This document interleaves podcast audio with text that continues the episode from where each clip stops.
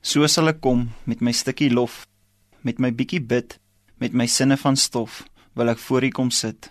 Met vandag se leef en môre se dood, met my regheid en skeef, met my honger en brood. So sal ek kom as ek kom om te juig, dankbaar en dom sal ek nederig buig.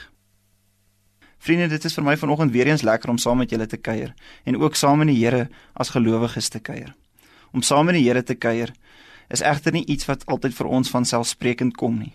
Veral nie in ons gejaagde wêreld waarin ons leef of rondom ons gebeur nie. Om tyd af te staan, gaan ons verby by stil staan. Maar voor mens tyd maak, moet mens begin by 'n bewuslike keuse wat ek moet maak om tyd saam met hom te spandeer.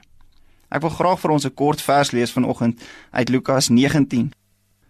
Hy het geprobeer om Jesus te sien, maar weens die skare kon hy nie omdat hy te kort was.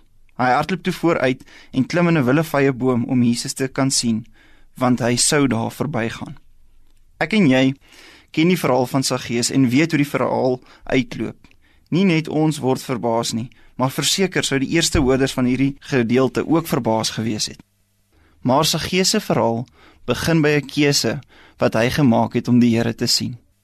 As hy nie die keuse gemaak het nie, sou hy nie tyd saam met die Here kon spandeer het nie en sou die storie nie die einde gehad het wat ons ken nie. Ek en jy moet in ons gejaagde skedules elke dag 'n bewuslike keuse maak om die dag saam met die Here te kan ingaan. Bewuslik besluit om te kies om nie die teenwoordigheid van die Here mis te kyk nie, want hy is by ons. Mag jy vandag kies om bewus te wees van die Here en mag jy sonder om te besef net anders dink omdat jy bewus is van jou reisgenoot.